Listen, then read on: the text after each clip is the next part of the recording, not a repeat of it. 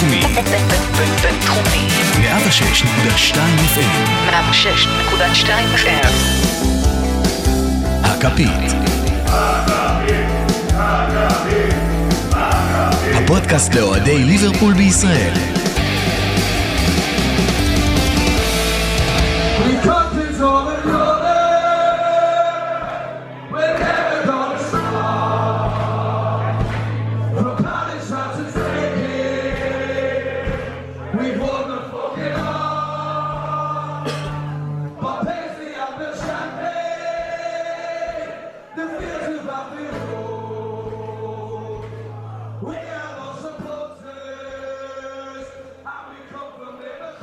ברוכים הבאים לפרק נוסף של פודקאסט הכפית, כאן מהרדיו הבינתחומי בהרצליה, 106.2 FM, הפעם פרק מיוחד לציון 30 שנה לאסון הילסבורו. אנחנו לא נעסוק בכלל בכל מה שקשור לליברפול בפן האקטואלי, רק לדבר על כל מה שקשור למאורע של הילסבורו, ללפני, לאסון עצמו, לאחרי, ככה שאם אין לכם זמן זה בסדר, אתם יכולים לשמור גם את הפרק הזה ותמיד לחזור אליו. אם יש לכם חברים שלא מכירים את הסיפור, שהוא לא היה להם כזה משמעותי, אה, ואתם רוצים להעביר לו את זה כדי להסביר כמה האירוע הזה משמעותי, ולא רק בעיר ליברפול, ולא רק למועדון, אלא בכלל לכדורגל האירופי, זה בשבילכם. איתי נמצאים כאן רותם זמורה, אהלן, שלום, שלום. וגיא רגב שמצטרף אלינו, שלום. והנה אנחנו מתחילים, אבל עוד לפני שאנחנו מדברים על אסון עצמו, כדי שבאמת נוכל להסביר לכולם מה באמת הלך שם ולהיכנס לפרטים, אני חושב שנתחיל בלהכניס לאנשים את הקונטקסט של מה קרה בכדורגל בשנות ה-80 באנגליה, לא רק בליברפול. אה, וגיא, תן לנו בראש. אז כדורגל אה, אנגלי ב... באנגליה אה, סבל ממחלה איומה ונוראה שנקראה חוליגניזם. אה, בעצם כמעט לכל קבוצה באנגליה הייתה, מה שנקרא, היום, היום אוהבים לקרוא להם אוהדי אולטרה, אז זה פשוט היה באמת אה, כנופיית חוליגנים. הכנופיות האלה היו פשוט באות למשחקי כדורגל במטרה אחת, וזה פשוט ללכת מכות. זה היו אוהדים, או שזה היה פשוט אנשים מתוך העיר שהמטרה שלהם זה פשוט לעשות בלאגן? אז זה כזה, התשובה היא קצת פלואידית. בסופו של דבר, קבוצת הכדורגל אה, אפשרה להם אה, לגבש זהות. אנחנו אה, החוליגנים של מילוול, שהייתה מאוד מפורסמת, אנחנו החוליגנים של צ'לסי, אנחנו החוליגנים של אה, לידס. אה, אז, אז כן, אבל בסופו של דבר, אה, אחר כך כשהתחילו להתייחס לתופעה... זה תלוי בפרספקטיבה, אם תשאל את החוליגנים, הם יגידו לך שהם אוהדי ליברפול, אם תשאל אה, אנשים שקצת פחות מחבבים את התופעה, יגידו לך שזה פשוט חוליגנים ש... נכון, אבל, אבל זה גם באמת היה ככה, הם פשוט היה, כאילו, התיאום היחידי שהיה בין הכנופיות חוליגנים האלה זה שהם היו מתאמים להיפגש לפני המשחק, והם פשוט היו הולכים מכות ברחוב לפני המשחק, כאשר כולם היו חוטפים את הריקושטים, אם זה חנויות, אנשים תמיד שעובדים בסביבה, שוטרים, אה, דברים כאלה. המשחק כדורגל באמת היה משני, וקבוצת הכדורגל יותר היוותה להם את הזהות, כמו שאמרת, אנחנו אוהדי לידס. אבל הם לא... לקרוא להם אוהדי כדורגל זה באמת אה, קצת קשה. אה, ובעקבות זה, הרשויות באנגליה התחילו להגיב.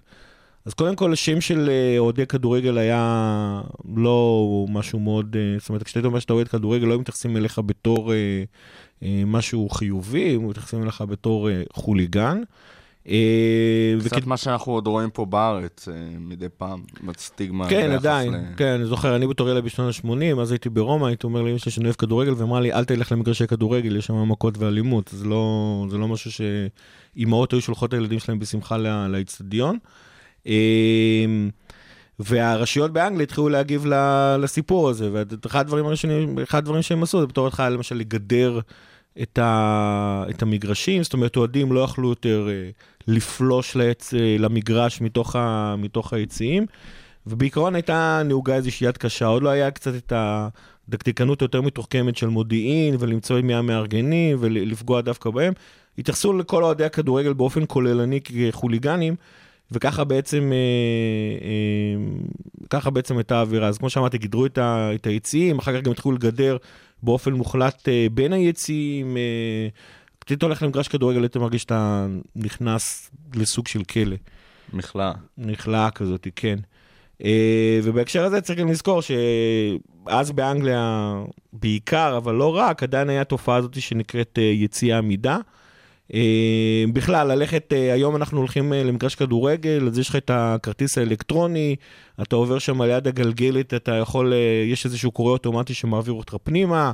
אה, באיצטדיונים מסודרים, בארץ קצת פחות, אבל מי שהולך עכשיו לאנפילד, כמות הסדרנים ונותני השירות, שאתה יכול לשאול אותם מאיפה אני צריך להיכנס, אה, אם חס וחלילה קורה לך משהו, היא מאוד מאוד גבוהה.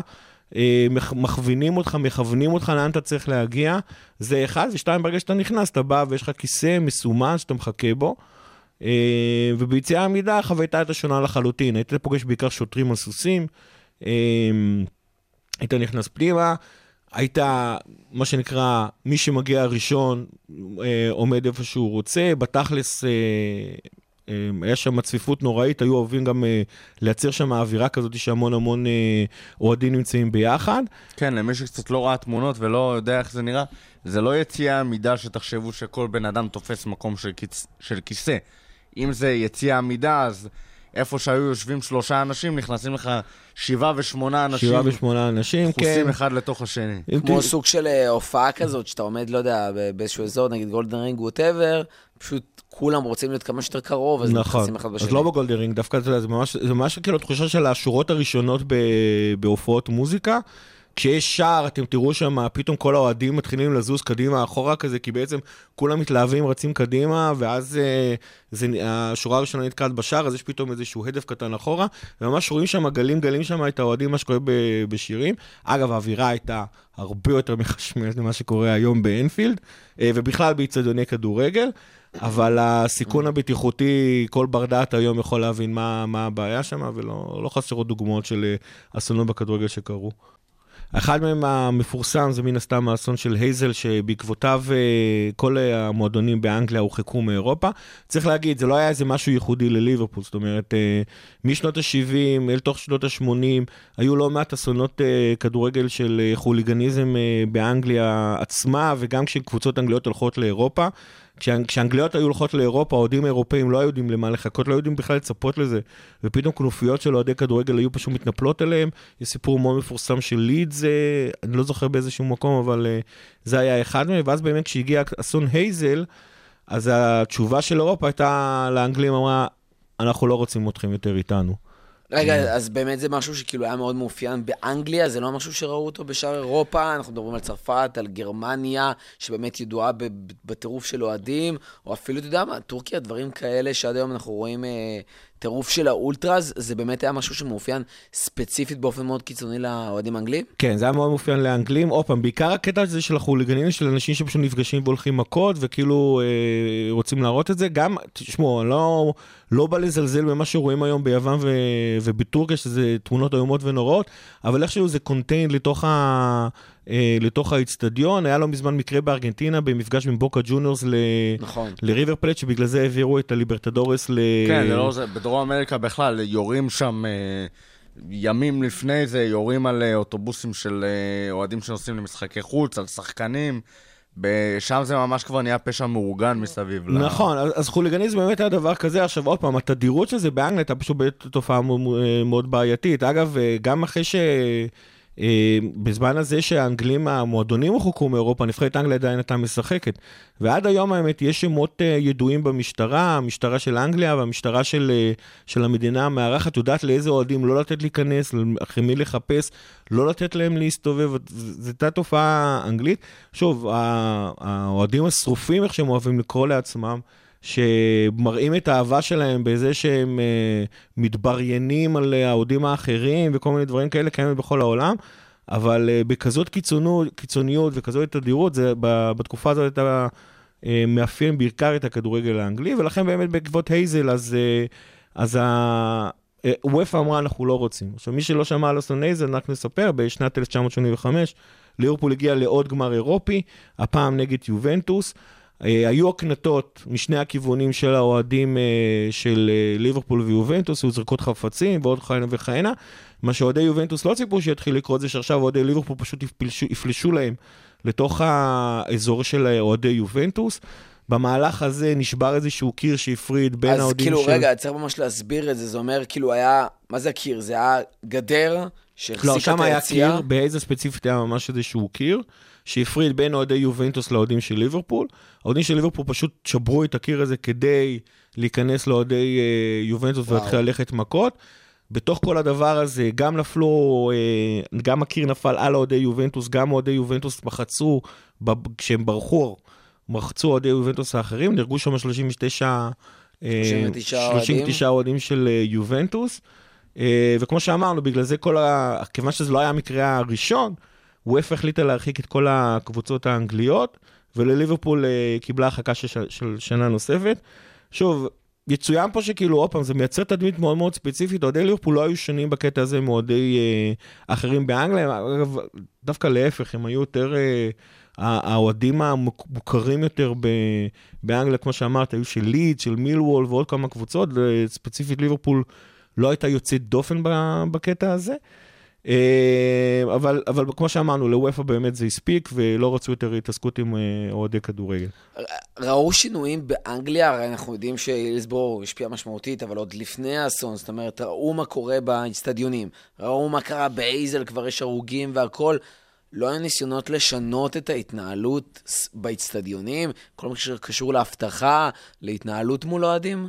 עדיין לא, עדיין לא, עוד פעם, וגם התגובה הראשונית הייתה, כמו שאמרתי, יותר יד קשה, יותר נוכחות משטרתית בזמן האירועים, אה, עוד פעם, ניסיון של להפריד אה, בגדרות, ניסיון למצוא אנשים שמנסים להתגנב. מה, מה היה הטיעון גם אה, לא להימנע מהיציאה עם עמידה? כאילו, הדיבור היה בקטע של לא רוצים להרוס את האווירה? זה, זה כאילו מה שהחזיק את זה ולא מנע מהדברים האלה לקרות? אני חושב או... שפשוט, אני חושב שזה סתם, עוד לא נעשה מחקר רציני, כאילו, מה, מה הסיבות, למה יכול לקרות, מה קרה שזה קרה ככה, ייחסו את זה, ייחסו את זה באמת להתנהגות ברברית של, אה, של אנשים שהם לא בני תרבות בסופו של דבר. אה, כן, כמו שגיא אומר, זה היה, הנושא עצמו של היציאה עמידה היה סוג של נון אישו, לפחות בקטע הזה של האם אנשים הולכים להימחץ למוות. כן. אה, זה היה יותר בקטע של אה, להכיל את האוהדים, גם התייחסו אליהם, באמת ראו אותם כסוג של איזה שהם חיות, פראי אדם, שכל מה שצריך לעשות זה להכיל אותם בתוך היציע שלהם, שלא יצאו לשום מקום אחר, שלא יפרצו למגרש, שלא יכו שחקנים, שלא יכו אוהדים אחרים, אה, שלא ישרפו את המקום. לא שחס וחלילה יהיה להם איזשהו מקום לנשום או משהו בסגנון הזה.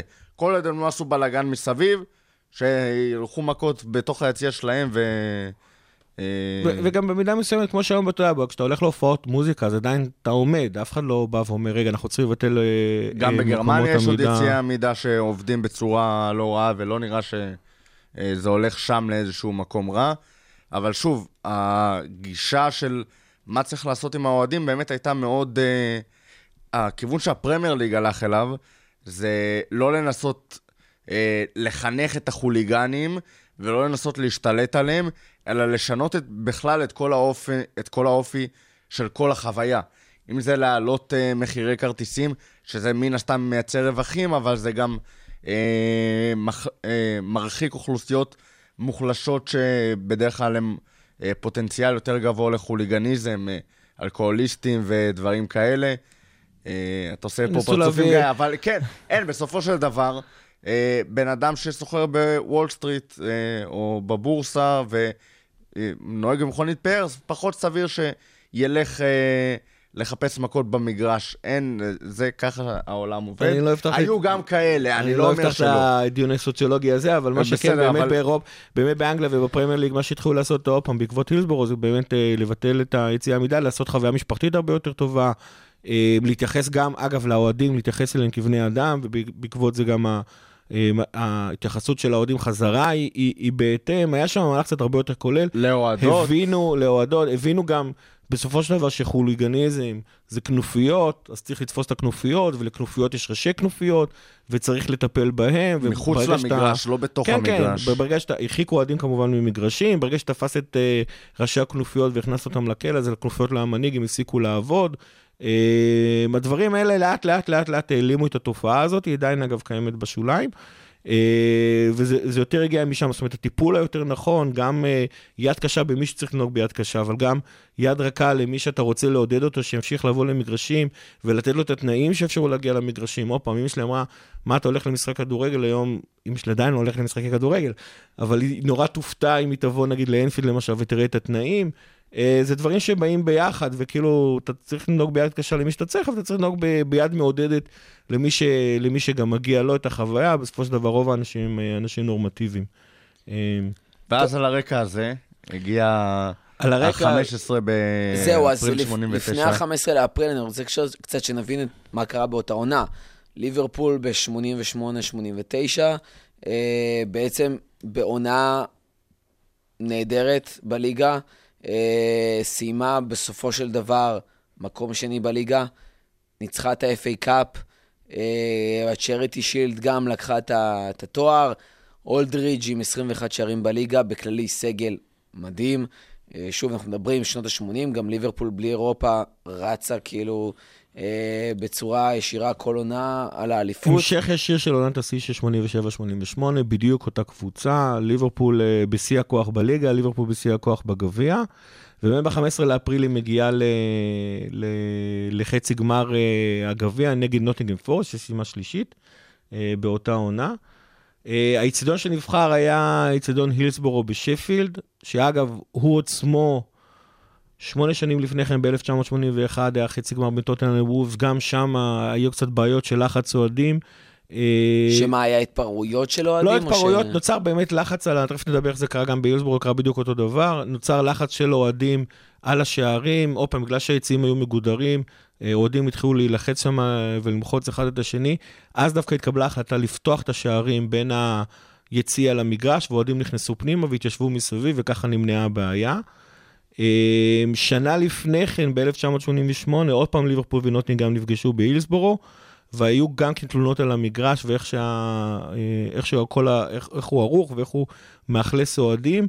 והאמת היא שליברפול אפילו ביקשה לא לעשות את, ה... את ה... חצי הגמר בהילסבורו, אבל אה, לא, לא נענו לבקשה הזאת. אה, דבר נוסף שככה כרקע לסיפור הזה, ש-21 ימים לפני חצי הגמר, אז אה, מפקד אה, משטרת דרום יורקשיר, אה, בחור בשם בריאן מול, אה, נאלץ אה, להתפטר מ... או בעצם לעזוב את התפקיד של, ה... של המשטרה בגלל איזושהי שערורייה של זובור שעשו לשוטר צעיר, ובמקומו מונה בחור בשם דיוויד דקנפילד, שאומנם כאילו כבר הגיע לתפקיד שמגיע לו להתמנות למפקד משטרה, אבל למשל ניסיון בניהול של אה, אירועים כמו משחק כדורגל לא היה לו בכלל. הוא גם כן היה רק 21 ימים, הוא לא הכיר עדיין את כל המטריה שהייתה שם. אה, שוטרים אגב מספרים שבמסיבת, סליחה, העיתונאים מספרים שבמסיבת העיתונאים, הוא למשל קרא לנוטינגן פורסט, הוא קרא להם נוטינגן שייר. זה כאילו נתן לכולם תחושה שהבן אדם לא באמת יודע מה הפרטים הקטנים שקורים שם באזור. אה, וזה הבן אדם שהיה צריך להוביל, בעצם את המשטרה בהגנה על בטיחות האוהדים. עכשיו בואו קצת ניכנס באמת אה, לתוך הפרטים, אז כמו שאמרנו, ליברפול קיבלה את... אה, ליברפול ונוטינגהם החליטו, לי- לא החליטו, נפגשו באיצטדיון הילסבורו. ליברפול עצמה קיבלה יציע שנקרא לפינגס ליין, הוא היה ידוע כיציע קטן, הוא, די, הוא היה ידוע כיציע שיש בו בעיות של צוואר בקבוק. אה, הסיבה שליברפול קיבלה את לפינגס ליין, למרות שלכאורה יש לה יותר אוהדים מנוטינגהם פורסט, זה בגלל שאיך שמגיעים לאיצטדיון, אה, באנגליה יש עדיין אה, רכבות, תחנות רכבת שונות לכל כיוון שהרכבת נוסעת, אז אוהדי נוטינגהם היו צריכים להגיע מדרום, אוהדי ליברפול היו צריכים להגיע מצפון, זה אפשר למשטרה להפריד, לעשות הפרדה טובה יותר בין שני מחנות האוהדים. אז זו הסיבה שליברפול קיבלה את היציאה הקטן יותר. אה, לא רק שהם קיבלו את היציאה הקטן יותר, גם יש שם הרבה פחות אה, גלגליות של, אה, שאיתם עוברים ברגע שיש לך כרטיס. אה, למשל, בצד של נוטינגן פורוס היו 500 אנשים שצריכים לעבור בכל גלגלת כזאת. אה, בצד של ליברפול בממוצע היה 1,000, אבל באזור הבעייתי שיצר את כל הבעיה היו 1,500 אנשים שצריכים לעבור על אותה גלגלת. עכשיו, בתקופה הזאת כל המשחקים אה, באנגליה היו קבוע בשעה שלוש, אה, זה היה מאפשר לכל המשפחות לצאת לפיקניק של הבוקר, ואז בשלוש בצהריים לבוא לראות אנחנו מדברים על משחק משחקים כדורגל. בסופש, כן? לא ב... משחקים בשבת, קבוע לא בשעה בשני. שלוש, גם היום אגב, השעה שאנחנו רואים אותו בחמש חגיגה אנגלית, זה שלוש בצהריים. אה, באנגליה באותה תקופה, כל, פשוט כל המשחקים היו בשעה שלוש. למעט איזה אחד, שתיים שהיו מוציאים לשידורי טלוויזיה. אה, ולכן באמת רוב האוהדים הגיעו בין השעה 2.20 לשעה 2.40 אה, לאזור. עכשיו, כמו שאמרנו, לא היו תורים או הכוונה, אוהדים, עוד פעם, אוהדי ליברפול קצת אה, מתורגלים, ידעו לאן הם צריכים להגיע. מה שכן, הם היו צריכים לעבור איזשהו שער חיצוני כזאת, ראשוני, שהמשטרה רואה שאין איזה אנשים בעייתיים שמנסים להיכנס, ואז להגיע לגלגלות, ואחרי שהם עוברים לגלגלות, יש איזשהו אזור כזה שממנו הם צריכים להגיע לתוך היציע.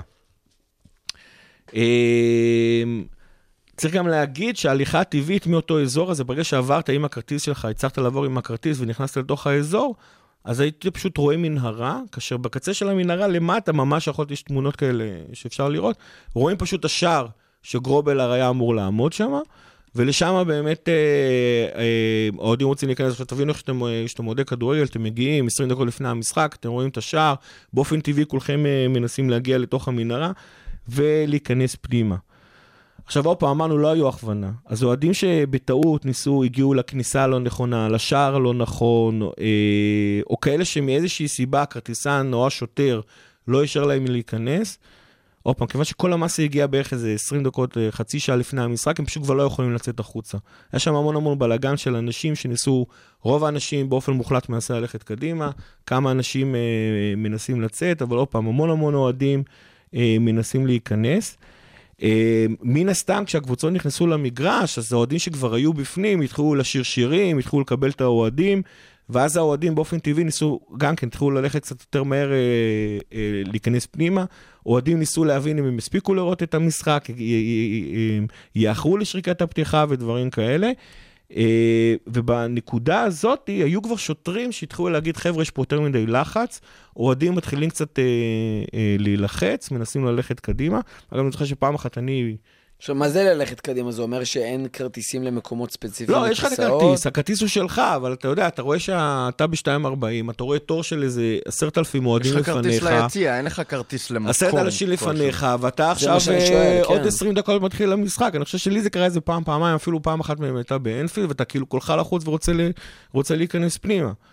אה, אז אני שוב חוזר, לא היו המון שערים שהאוהדים יכלו להיכנס שם. שוטרים במצב הזה כבר התחילו לדווח הלאה, שכנראה מומלץ לדחות את שעת המשחק ולהודיע לכולם שהמשחק לא מתחיל בשעה שלוש, אלא נגיד בשלוש ורבע או שלוש דברים וחצי. שאנחנו לא רואים היום בכלל, כאילו שקורים.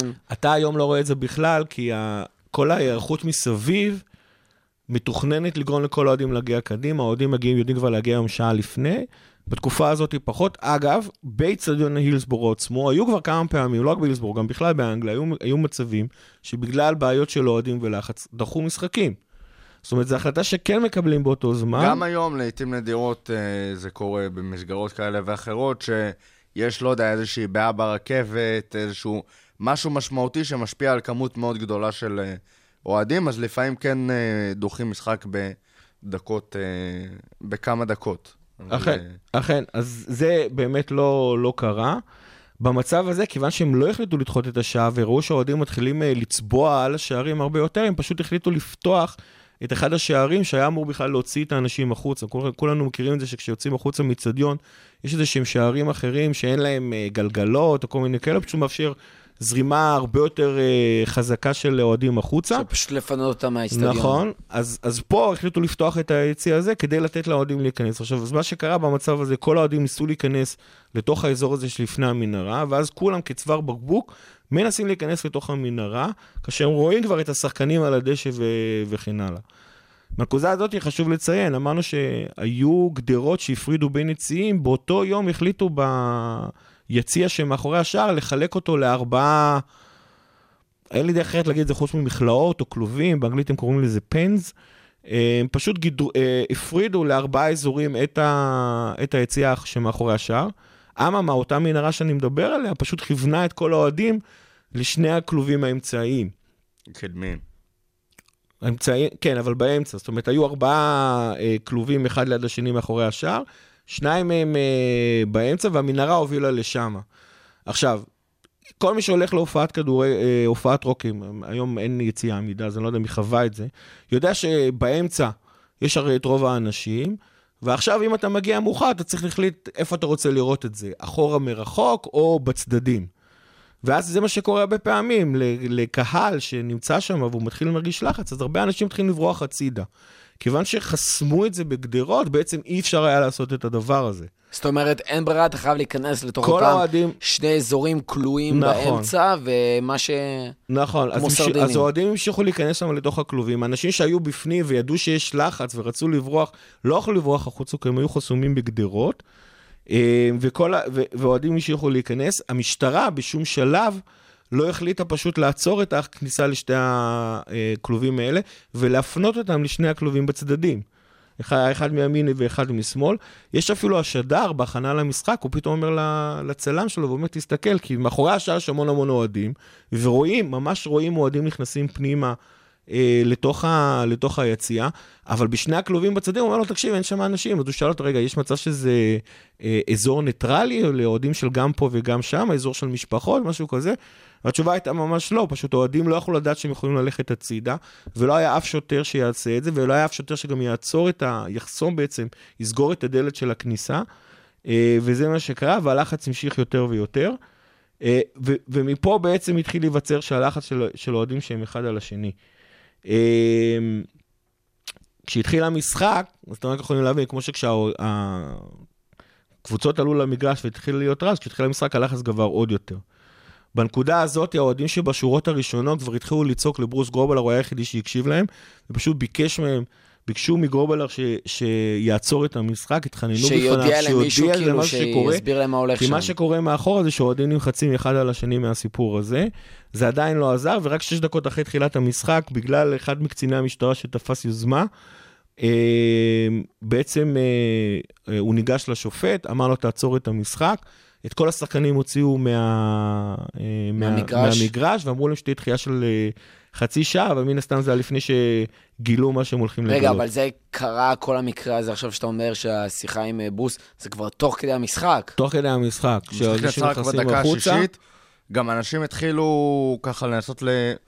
לפרוץ את הגדרות בעצם לתוך כן. המגרש, כי לא היה באמת לאן ללכת, ובשלב הזה... ואתה כבר לא נושם, ואתה נמחץ שם, ואנשים לוחצים עדיין מאחורה. ובשלב הזה השוטרים עוד התייחסו אליהם כמו אל חוליגנים שמנסים. אה, לפרוץ לתוך המגרש, ולא כמו אנשים שמנסים אה, להציל את החיים שלהם ולשאוף טיפה אוויר. זו הייתה ההתייחסות הממש ראשונית, עד שרק בדקה השישית, בדקה השישית זה כבר היה פחות או יותר Game Over מבחינת אה, אה, הרבה מאוד אוהדים, זה כבר היה ממש מאוחר. כן, עכשיו צריך... לה- ורק אז מישהו התעורר ולהגיד נכון. שמשהו קורה פה. פתאום היה איזשהו, עוד פעם, היה איזשהו קצין משטרה שהוא לא היה הקצין הכי בכיר, הוא זה שניגש לשופט. אגב, אתם, אם מישהו, מישהו רוצה לראות כל מיני קטעים או סרטים דוקומנטריים, אתם תראו שם שמי שבכלל עוזר לאוהדים אה, שנמצאים במצוקה זה האוהדים עצמם. האוהדים שהיו ביציע שמעל היציע שמאחורי השער, פשוט משכו אוהדים למעלה, ופשוט כל מיני אוהדים ניסו לברוח פשוט למעלה. אוהדים מיציעים בצד היו עוזרים לאוהדים שנמצאים בשני הכלובים המרכזיים לברוח הצידה. הם, היו אוהדים שניסו לעלות ולהיכנס לתוך המגרש. בנקודה הזאת, שוטרים עדיין ניסו למנוע מהם, כי כמו שאמרנו, הם כאילו... היו בטוחים שהם חוליגנים, לעשות לא. דיבר, סט הפקודות ממש לא דיבר על בטיחות אוהדים, הוא דיבר על תמנעו מאוהדים להיכנס, תמנעו מאוהדים פלישה למגרש. שוטרים אגב פחדו שירביצו להם אה, בהקשר הזה.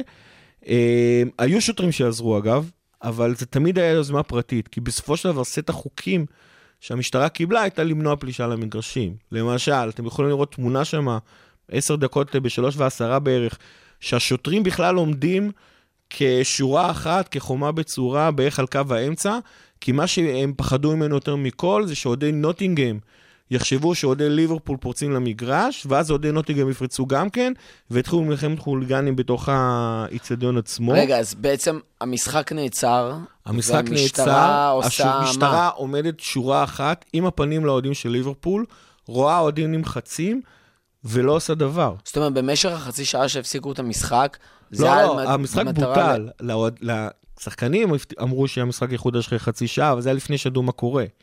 לא, אבל- אז אני מדבר על הרגע שעוצרים את המשחק, אומרים, חצי שעה דחייה, אומרים לשחקנים, הם חוזרים לחדר ההלבשה, באותו רגע ההתנהלות מול האוהדים זה מה? אומרים להם, נגמר המשחק, לכו הביתה? לא, לאוהדים לא אמרו כלום מן הסתם. השוטרים, כל מה שעניין אותם זה באמת, יש שם תמונות של שוטרים שמנסים לעצור אוהדים מלהיכנס לתוך המגרש. יש שם התמונה הכי מזוויעה, זה פשוט שורה של אוהדים, סליחה, שורה של שוטרים עומדת על אה, קו וחצי, ולא עושה כלום, פשוט עומדת כדי לה, להבין שזה גבולות של אוהדי ליברפול מותר לזוז, ומסביב רואים אוהדי ליברפול עוזרים לאוהדי ליברפול או להגיע ליציא העליון, או להגיע ליציאים הקטנים, או, לפרו, או לה, בעצם מנסים להעביר אותם. אוהדי ליברפול מתישהו נכנסו לתוך המגרש והשתמשו בשלטי הפרסום כאלונקות כדי לעזור לאוהדים שנמחצו ל, אה, למטה. אה, וכל זה קורה כשהשוטרים בגדול מסתכלים, לא עושים כלום. עכשיו, תוך כדי הזמן הזה, זאת אומרת, אנשים כבר נפגעים. נפגעים, זאת אומרת, נפגעו. כבר צריך להסביר את זה. נחנקים מרוב לחץ על של אוהדים. המשחק התחיל, צלעות שבורות. יש שריקה, כן. ב- בשש דקות הראשונות לפני שהמשחק נעצר, כבר אנשים, כבר אנשים נפגעים. עוד הרבה לפני עוד כן. הרבה עוד לפני. הרבה לפני כן. אוקיי. עוד הרבה וזה לפני כן, ממשיך לתוך. ההפסקה. נכון. כאילו, תוך נכון. כדי כל הזמן. זאת אומרת, זה לא היה משהו ספציפי לתהליך שמתרחש לא- שוב, מהרגע זה- שהם נכנסו. ב- באירועים כאלה של אנשים נמחצים, זה לא אירוע בודד, זה לא קיר שנפל בהייזל, זה לא משהו שהתרסק, התפוצץ, משהו זה אירוע מתגלגל, זה מהרגע שהיה שם יותר מדי אנשים, עד הרגע שבו הצליחו אה, לשחרר במספיק את הלחץ. אז אנחנו מדברים פה על דקות מאוד ארוכות, 96 אנשים אה, ועוד מאות פצועים, זה לא קורה ברגע אחד, זה לא ש... 2, 3, 6 דקות אנשים מגיעים למצב הזה, זה... בעצם, דקות בר- ארוכות ברגע- מאוד של... אה, ברגעים האלה מבינים שהמשחק לא הולך לא, להיות לא הולך מחודש. לחזור, אף אחד לא הולך, אף אחד לא הולך, אני לא יודע מה הקבוצות ידעו באותו רגע ממש. אה, כמו שאמרנו, השוטרים לא עשו כלום. אגב, המפקד המשטרה היה צריך להתחיל להכ- להכריז על מצב חירום, כי היו איזה כמה אמבולנסים שחיכו באיזשהו אולם התעמלות שנמצא בסביבה, אבל כיוון שלא הודיעו שיש מצב חירום, אז האמבולנסים האלה לא יכלו, בעצם לא יכלו לקבל את ההוראה של לנסוע ל- ל- לאצטדיון ולהתחיל להיות שם מזמינים בצורה מלאה.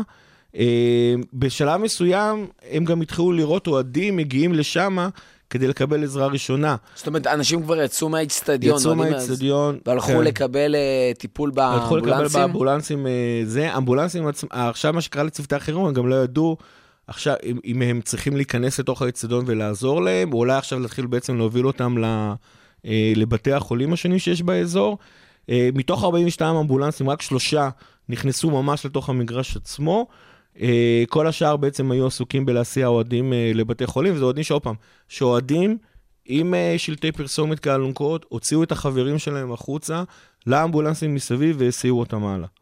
וזה בעצם מה שקרה שם, כאילו ה, ה, בעצם ה, גם היצירה של הלחץ הזה שגרמה לאוהדים להימחץ, גם בעצם חוסר התגובה של המשטרה, הזכרנו את אותו אה, דיוויד דקנפילד, שאגב, עמדת המשטרה בהילסבורו נמצאת מעל דגל הקרן, בנקודה שמעל היציע הזה ספציפית, הוא עמד שם, הוא יכל לראות אה, לגמרי עם כל מה שקורה שם בתוך היציע שמאחורי השער, וכנראה הבן אדם, אמרנו שהוא חסר ניסיון, הוא כנראה נכנס לשוק, והוא לא עשה, לא עשה עם זה שום דבר, לא הייתה שום מנהיגות של, ה, של המשטרה, של המפקדים. המשטרה באותה תקופה מסתכלת על יציע שיש בו המון בלאגן ואנשים, וכל מה שיש שם בראש זה פרוטוקול של מתפרעים.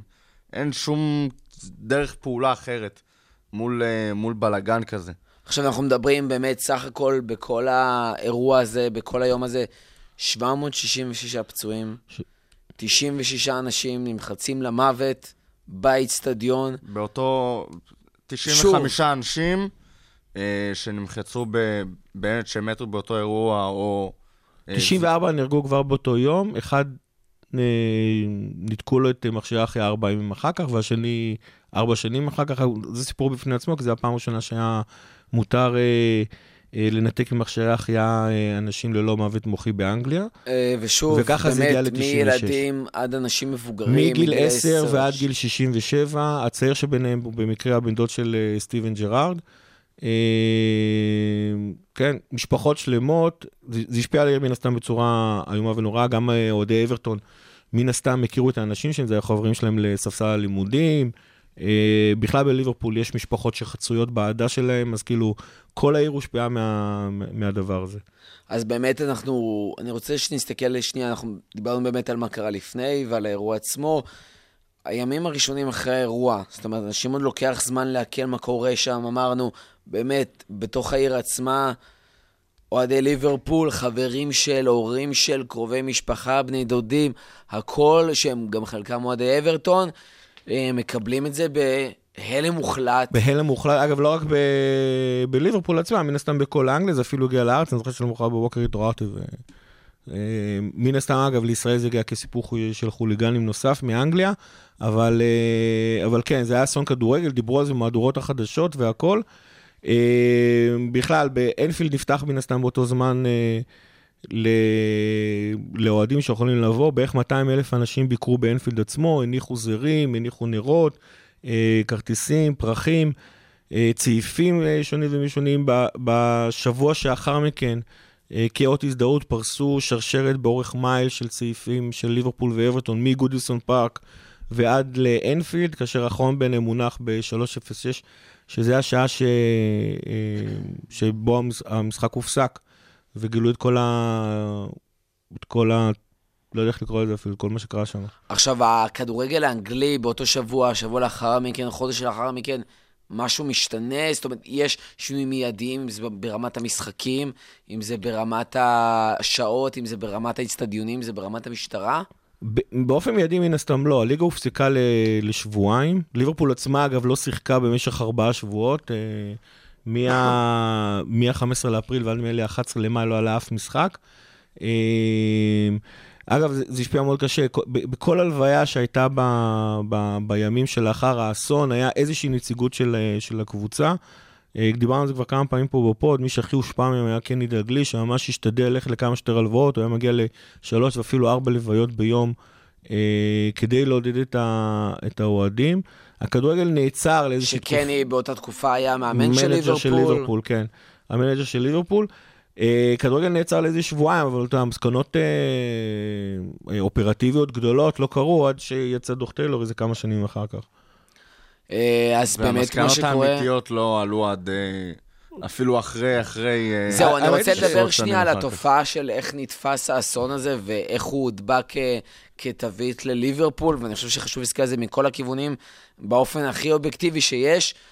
כי זה משהו שבאמת במשך 25 שנה, ואני חושב שגם עד היום, קודם כל האסון הזה הולך על ליברפול, זה, קודם מדברים על ליברפול, מדברים על לילסברו, אה, וגם זה יצר הרבה דברים שהם אה, סוג של תופעות לוואי, כמו כל היחס עם הסאן וכל כן. העניין של האוהדים. אז בואו באמת נדבר על שוב, מה, מה התופעות לוואי שקרו אחרי האירוע? אז חשוב להגיד שכאילו מהרגע ש, שכאילו מאוד מהר, זאת אומרת, אה, דיברנו על זה שהשוטרים אה, והפיקוד של המשטרה היה בהלם, אבל, אבל באופן נורא מוזר, מאוד מאוד מהר הם התחילו לכסתח את עצמם. תוך כדי שידור. זאת אומרת, לא היה באמת לקיחת אחריות, הייתה לא, פה טעות. בואו לא. נגיד את זה קודם ככה. האופן שבו אנחנו תיארנו את השתלשלות האירועים שהובילה לאסון, זה משהו שאנחנו מתארים אותו בראייה אחר כך, אחרי uh, ועדות חקירה וניתוח של צילומים, והמון המון uh, דברים שקרו ואפשרו לנו להבין מה באמת קרה באירוע הזה. Uh, בדיוק כמו שהמשטרה uh, עמדה על קו החצי והתייחסה לזה כהתפרעות אוהדים, אף אחד באותו זמן, uh, אולי באמת חוץ מאוהדי ליברפול שהיו שם ביציע וביציעים וראו מה קרה, צמרת המשטרה הבכירה, מבחינתה זה, חוץ מזה שקרה אירוע שאנחנו צריכים אה, לכסות על התחת שלנו, אה, התגובות הראשוניות היו בלי הבנה באמת מעמיקה של... אז, אז יש פה, אז, אז זהו, זה בדיוק העניין. זה, לפחות זה, לא של הציבור, זה, יכול, זה המשטרה זה... זה התודעה ש, ש, שנכנסה. חשוב להגיד שכבר דוח ועדת טיילור, שאוהדי ליברפול לא אהבו אותו, כי הוא היה קצת פרוויל מדי לדעתם.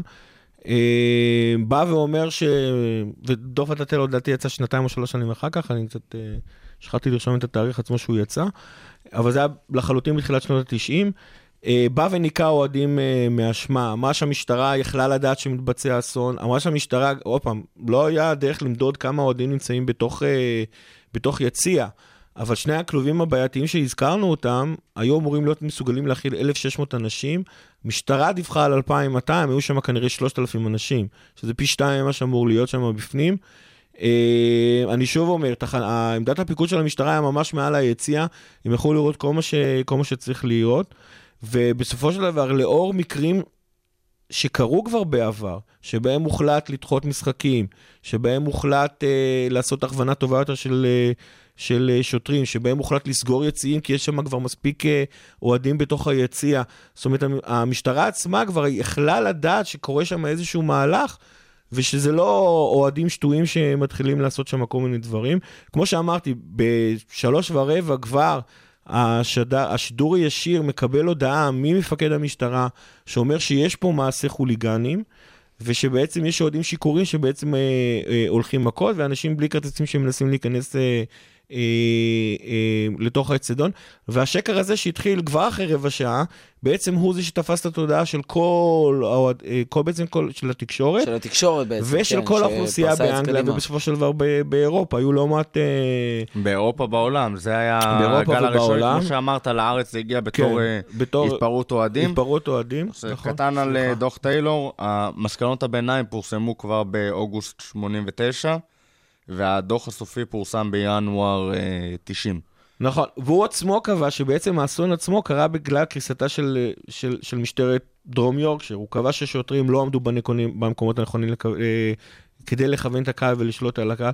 שוב, צריך להזכיר, יש... רגע, אבל אם דוח כזה באמת יוצא, איך יכול להיות שעדיין הדבר הזה נמרח כל כך הרבה זמן על תקן העניין של אוהדי ליברפול אשמים באסון? כי מה שהדוח לא עשה, וזה מה שהרגיז את הוא לא המשפחות, הטיל אחריות הוא לא הטיל אחריות על. אנשים ספציפיים, והוא, הוא, אגב, הוא נקט בכל מיני... אבל אם אתה מדבר על המשטרה, אתה לא מדבר על המפכ"ל של המשטרה, על סגן המפכ"ל, על מי אתה שמתנהל? יכול לדבר על נהלים, אה, שנהלי המשטרה לא ידעו איך אה, להתמודד עם אה, אירועים כאלה ואחרים. אה, נהלי המשטרה לא ידעו איך... אה, ולמרות זאת, מפילים את זה על נהלי המשטרה, ובכל זאת, שקרה, האוהדים בסוף, נכון, כי עליהם מה היה שקרה, כתם. כי מה שקרה, כמו שאמרנו, זה שקר התחיל לצאת בשלוש ורבע. בזמן העדויות לוועדת טיילור, זה דברים שהתבררו הרבה יותר מאוחר מכך.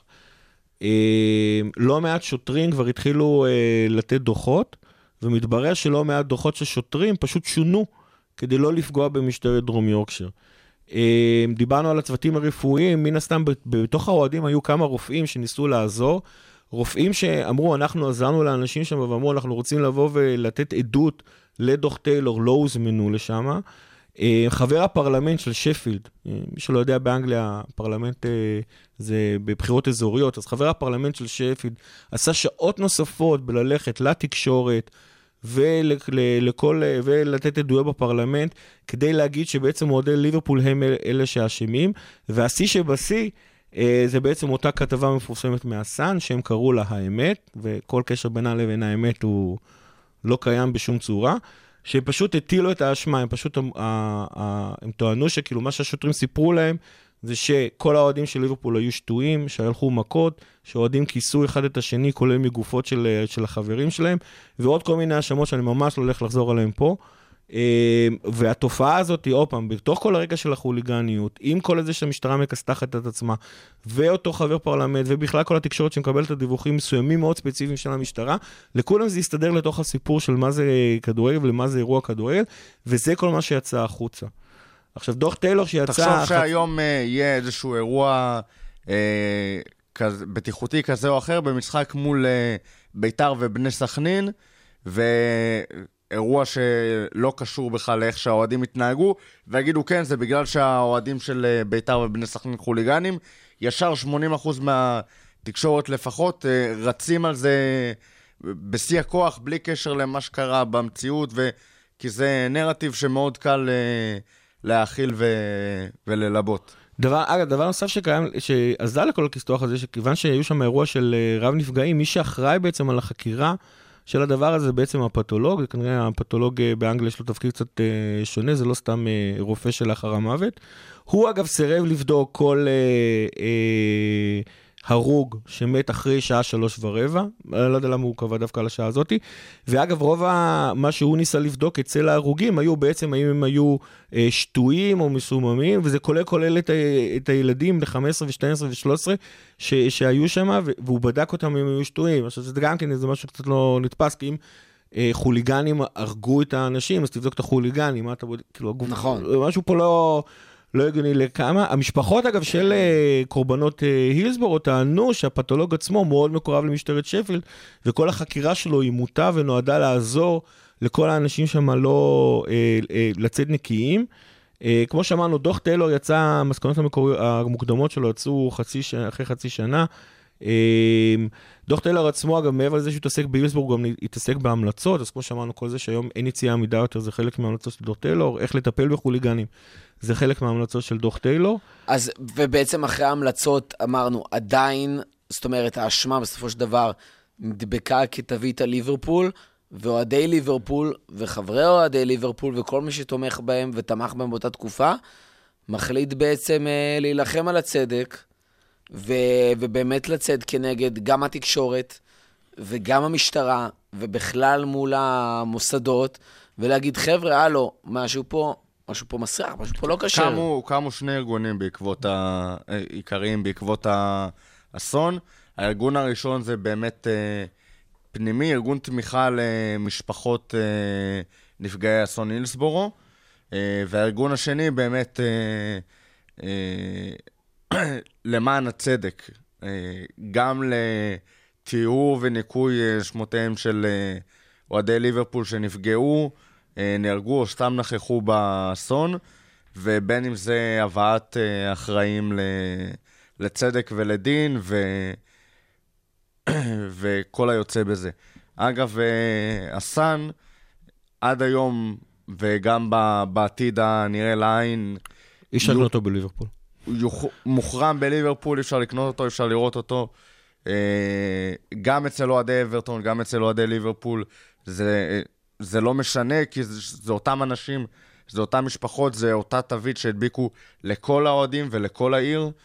אה, שום שחקן של ליברפול לא התראיין שם, אה, באמת, למעט... אה, גריים סונס, ש... כן, אירועים כאלה ואחרים, אבל בגדול זה... שאגב, הוא, הוא, רק נגיד גם את הצד שלו, הוא טוען שהוא פשוט לא ידע את זה, כי הוא באמת אז היה בגלסגו ולא בליברפול, אבל אה, זה, לא- זה לא עזר לו יותר מדי. אה, אז כן, ב, היו כמה ניסיונות של ועדה. אה, העמותות האלה ניסו כל פעם לפתוח את התיקים וכל פעם לפתוח את התיקים. באזכרה ל-20 שנה לאילסבורו הגיע שר הספורט לאנפיד לה- לאזכרה עצמה, וברגע שהוא ניסה לדבר, כל, כל האוהדים שהיו שם, לא האוהדים בעצם, כל הנוכחים התחילו לצעוק לו Justice for the 96, לא נתנו לו לנאום. אה, אני ראיתי את הסרטון של, ה... של... של שר הספורט, אני באמת בחיים שלא ראיתי פוליטיקאי שפתאום אה, מקבל הערה מה... מהאנשים שעומדים מולו, רואים את זה עליו, ובאמת אחר כך אה, אה, ממשלת בריטניה החליטה לשתף פעולה, ופתחו את, ה... את התיקים אה, מחדש, הוקמה איזושהי ועדה עצמאית אה, אה, מיוחדת לסיפור הזה. היא, נתנו לה 450 אלף מסמכים מאיזה 85 ארגונים ואנשים שונים. אה, כל, אגב, המסמכים האלה נמצאים באינטרנט, אפשר לגשת אליהם. ובסופו של דבר, מה שהיא מצאה זה כמה דברים שמאוד מאוד כואבים. רגע, אבל אנחנו מדברים ב- בתקופה, מתי זה קורה בעצם? זה זה 20 לא קורה אחרי, בשנים... אה, אה, זה קורה זה 20 בשנת שנה אה, 2009-2010, כבר לתוך אז זה ממש, לתוך העשור כבר הנוכחי. לפני עשר, ש- זה רק כן, לפני לפני עשר עשר שנים שנים. זה קורה. 20 שנה אחרי האסון, באמת סוף סוף ממשלת בריטניה מתחילה לקבל, ממשלת אנגליה מתחילה לקבל הערה. שלרגע משהו לא תקין, וזה מקרה גם של ההתעצמות של המחאות, וגם במקרה של אותו שר ספורט שמגיע ו- ושומע את זה, ומחליט שהוא רוצה לעשות שינוי.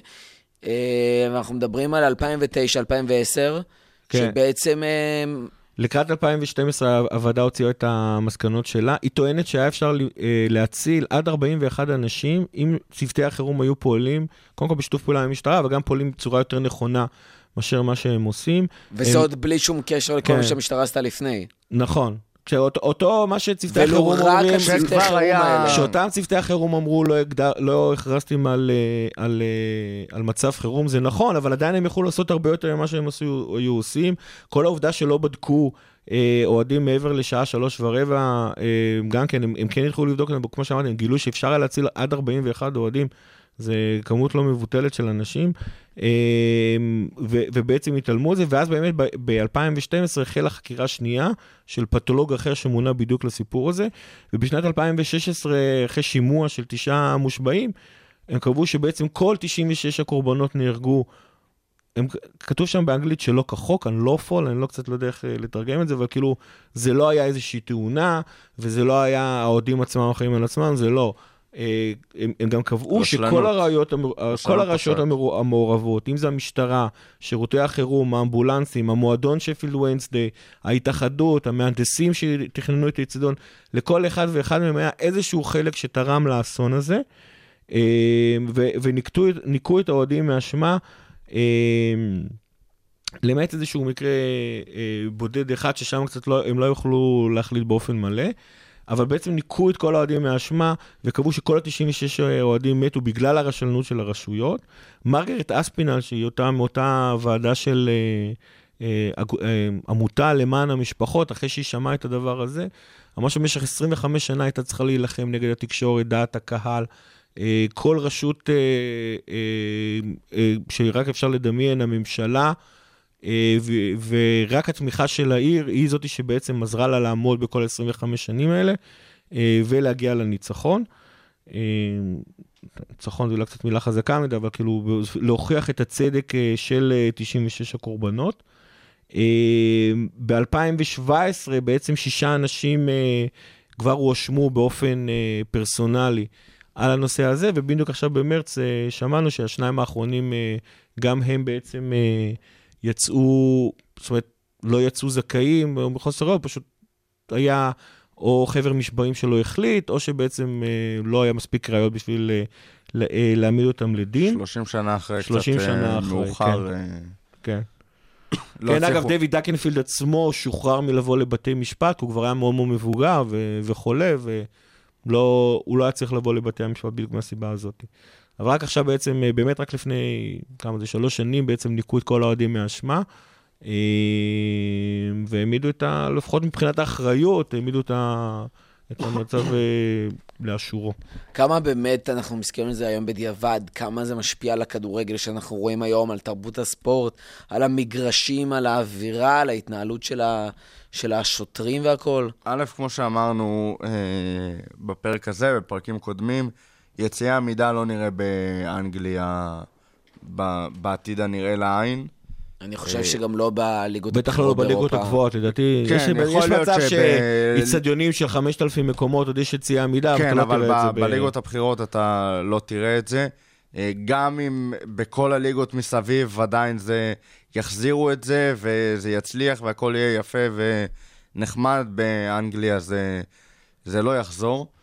מעבר לזה, אה, השפעות שלא רק על הכדורגל האנגלי, דווקא, דווקא על ליברפול ב...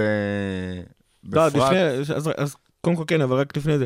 בכלל, כשאתם הולכים לאיצטדיון כדורגל זה לא שדה קרב by any means. זה כאילו אתם באמת הולכים למקום שאתה יכול לקחת את החברה שלך, אתה יכול לקחת את הילדים שלך, אתה מרגיש בטוח. וזה משהו שבאמת וזה לא היה משהו לפני. שלא היה לפני זה, החוליגניזם מוגר באנגליה כמעט באופן מלא.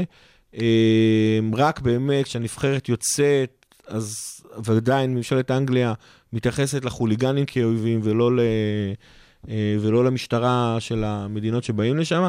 זאת אומרת, כל החוויה, הכדורגל של היום, התרבותית, כל היכולת של הפרמייר ליג לייצר כל כך הרבה כסף, לצערנו נובע מאותו, מאותן מסקנות של אה, ועדת טיילור. בין היתר, זה היה אחד כן, מהטריגרים. ה- וכמה, בוא נדבר קצת על ההשפעה באמת על, ה, על העיר ליברפול, על העיר שלא בה קרה אסון, אבל הייתה חלק אינטגרלי בכל הדבר הזה, וזאת אומרת באמת, זה נגע בכל בן אדם ובן אדם. אומרים שכל בן אדם בעיר ליברפול היה לפח, הכיר לפחות אדם אחד שהיה באסון, אה, ועד היום תיסע לליברפול גם לא ביום של משחק, כנראה שתראה אזכורים לכל מה שקשור ל- לאסון אליסברו. תראה, שאול אה, הדר כתב אה, ספר, אה, על ליברפול, ליברפול אה, כדורגל חיים ומוות. אה, שהוא יצא לקראת, אה, בסוף שנות האלפיים, כן. אחרי הגמר של 2005, אבל אה, כן, גם עוד הוא היה לפני תקופה ה- בליברפול, אה, והיה תקופה באנגליה, והוא מאוד הכיר את התופעה, והוא באמת כתב שם... אה, כן, זה היה עוד לפני ה- לכו המסקנות של הוועדה החדשה, כמה שזכור לי. והוא דיבר שם הרבה מאוד על... אגב, ממש ממליץ על הספר למי שבמקרה עוד לא קרא, גם להכיר את ההיסטוריה, את האתוס של ליברפול. באמת ספר נפלא.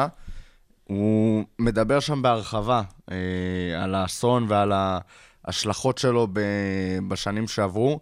העיר בעצם, אה, לקח לה הרבה מאוד שנים אה, להתאושש מזה ב...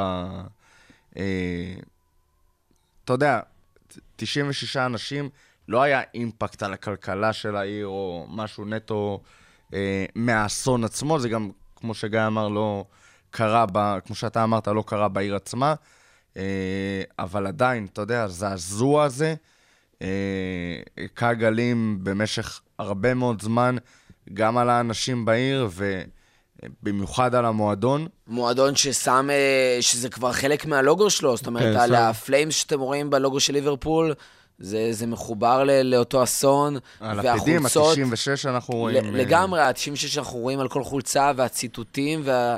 זה, זה לא רק הטקס השנתי, אנחנו רואים את זה גם, דרך אגב, ב... בכניסה למועדון, בכניסה לאיצטדיון, סליחה, כן. ל- בכניסה לאנפילד, השערים. כל הסימולים האלה הם כבר, הם- זה לא משהו שהמועדון כאילו רוצה לשכוח, זה לא משהו שהוא רוצה לשים מאחור. אני מניח שגם עכשיו, אחרי כל הוועדות כבר, וכשמבינים שאוהדי ליברפול לא היו אשמים, או לפחות לא האשמים העיקריים באסון הזה, אה, זה משהו שהמועדון לוקח איתו כחלק מהכוח שלו, ומה שמציל היום אותו גם קדימה. חלק, היום אבל זה איזשהו, זה רגע בהיסטוריה, רגע מאוד עצוב ומכונן, אבל אחרי הוועדה האחרונה, סוג של, אה, אה, גם מרגרט אספינול אמרה את זה, אפשר כאילו להתקדם הלאה.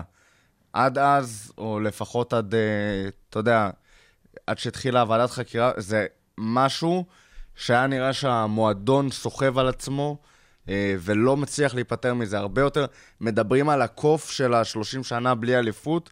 האסון נילסבורג היה קוף הרבה יותר גדול מבחינת העומס שלו מנטלי על כל המועדון, כל מי שמתעסק בו. גם קני כשהגיע לקדנציה שנייה, זה עוד פעם כאילו אה, עלה ודיברו על זה והשפיע, זה לא משהו שפשוט קרה והם ממשיכים ממנו הלאה, זה משהו שבאמת עיצב את ההרגשה והתדמית והמנטליות של המועדון ב- אני באמת חושב שזה לא מקרי שהמועדון נעצר, זאת אומרת, אומנם ב-89 הוא עוד אה, לקח את הגביע, מצד שני, אם מישהו יראה את המשחק האחרון של... גם אה, לקחו אליפות. אה, של העונה, כן. אבל אם מישהו יראה את המשחק האחרון של האליפות, שארסנל באה לליברפול, וליברפול כל הייתה צריכה להפסיד 1-0, אם הוא רואה איך ליברפול התנהגה באותו יום, זה לא היה ליברפול. עונה אחר כך היא באמת לקחה אליפות, אבל אה, הקבוצה קצת הייתה בסטגנציה. אה, קני דליש בסופו של דבר פרש ב-91, אחרי עוד כמה אה, ערבים, אני חושב שהוא פרש אחרי משחק שהסתיים ב-4-4 אה, בגביע, וכאילו כבר הוא לא יכל יותר עם הלחץ, הוא פשוט בא להנהלה ואמר, אני לא יכול יותר. אה, גריים סונס כשהגיע, אז אנחנו יודעים שאנחנו לא אוהבים את גריים סונס, וגריים סונס עצמו אמר שכאילו במועדון נשארו יותר מדי שחקנים שלא היו צריכים להיות, זאת אומרת, קני כנראה מעונה 90 כבר נעצר באיזה שחקנים הוא מביא ואיזה שחקנים הוא משחרר, אה, וכל מיני דברים כאלה, ואני חושב שהדבר הזה באמת אה, השפיע לרעה על הקבוצה. אה, שם נעצרנו, היה בדיוק כל מיני ניסיונות הבלחה בשנות, בסוף שנות, באמצע שנות ה-90, ב-2000 כל פעם התחלנו להתקרב, אבל כאילו המכה הזאת שירדה על הקבוצה לקח לה המון המון זמן להתאושש. כמו שאמרת, אני לא חושב שזה מקרי שזה עצר את ההצלחות של המועדון. אה, האם זה היה אמור להשפיע 30 שנה, זה כבר סיפור אחר, אבל, אבל העצירה היא לחלוטין קשורה, לדעתי לפחות לחלוטין קשורה לסיפור הזה. מי שרוצה יותר אה, להיכנס ל, אה, לאלמנט הזה, וממישהו שבאמת היה שם, וכמו שאמרנו, הספר של שאול הדר ממחיש, האמת שרציתי לעבור עליו לפני הפרק ככה בשביל להתחבר לזה שוב, כי הוא באמת העביר את זה בצורה נהדרת, אבל בדיוק עברתי לי ככה דירה, אז אה, הכל עוד בארגזים ולא מצאתי אותו. אה, שוב, יופי של קריאה, אולי... אה, נצליח להביא לכם כמה קטעים אם הוא יאשר לנו. ב- בכל מקרה, בקטע הזה אני ממליץ מאוד מאוד לראות את הסרט הדוקומנטרי שעשו ב-ESPN, מאותה חבילת 30 על 30 שהם התחילו לעשות פעם. מי שעשה את זה, אגב, זה הבמאי, הוא יליד שפילד ואוהד שפילד ונסדי, אז יש לו גם כן איזושהי נקודה משל עצמו. אה, סרט דוקומנטרי של שעה, BBC עשו סרט אה, דוקומנטרי של שעתיים למי שיש כוח. אה, בסרט של ESPN הם מראיינים מישהו שנקרא פיל סקרטון, והוא כתב ספר שנקרא הילסבורו The Truth. גם הוא מאוד מומלץ להבין מה קרה שם. וכמו שאנחנו תמיד אוהבים להגיד שהקהל זה הכוח שלנו והשחקן ה-12 והאווירה באנפילד, אז חשוב להבין שכמו שהאוהדים יכולים להרים את הקבוצה למעלה ולגבהים מטורפים, אז באותה מידה האוהדים שמרוסקים בכזה אופן שנים אחרי האסון, אה, זה מחלחל גם למגרש, גם אם הצוות המקצועי יתחלף וגם אם השחקנים יתחלפו. זה לא משהו שאתה יכול פשוט להש- להשיל מעל המועדון ככה ב... אה, בסבבה שלך. טוב, אז עם זה אנחנו נסיים. תודה רבה לכל מי שהאזין לנו. אנחנו מקווים שלמדתם, השכלתם, נהניתם, אפילו לקחתם איתכם לפחות משהו אחד. Uh, אם תלכו ותראו עוד סרט ותדברו עם אנשים נוספים על זה, אנחנו ככה קוראים לכם גם, תמליצו לאנשים נוספים. אהבתם את הפרק, אהבתם את הפודקאסט, הפרקים האחרים. קחו, שתפו, ספרו, גם הפרק הזה אפשר לשמוע אותו באמת תמיד, אה, אין לו שום פן אקטואלי. אני הייתי אראל מורחובסקי, תודה רבה רותם, תודה לך. תודה רבה, Justice גיא. For the 96. וכמו שגיא אומר, Justice for the 96. תודה רבה לכם. We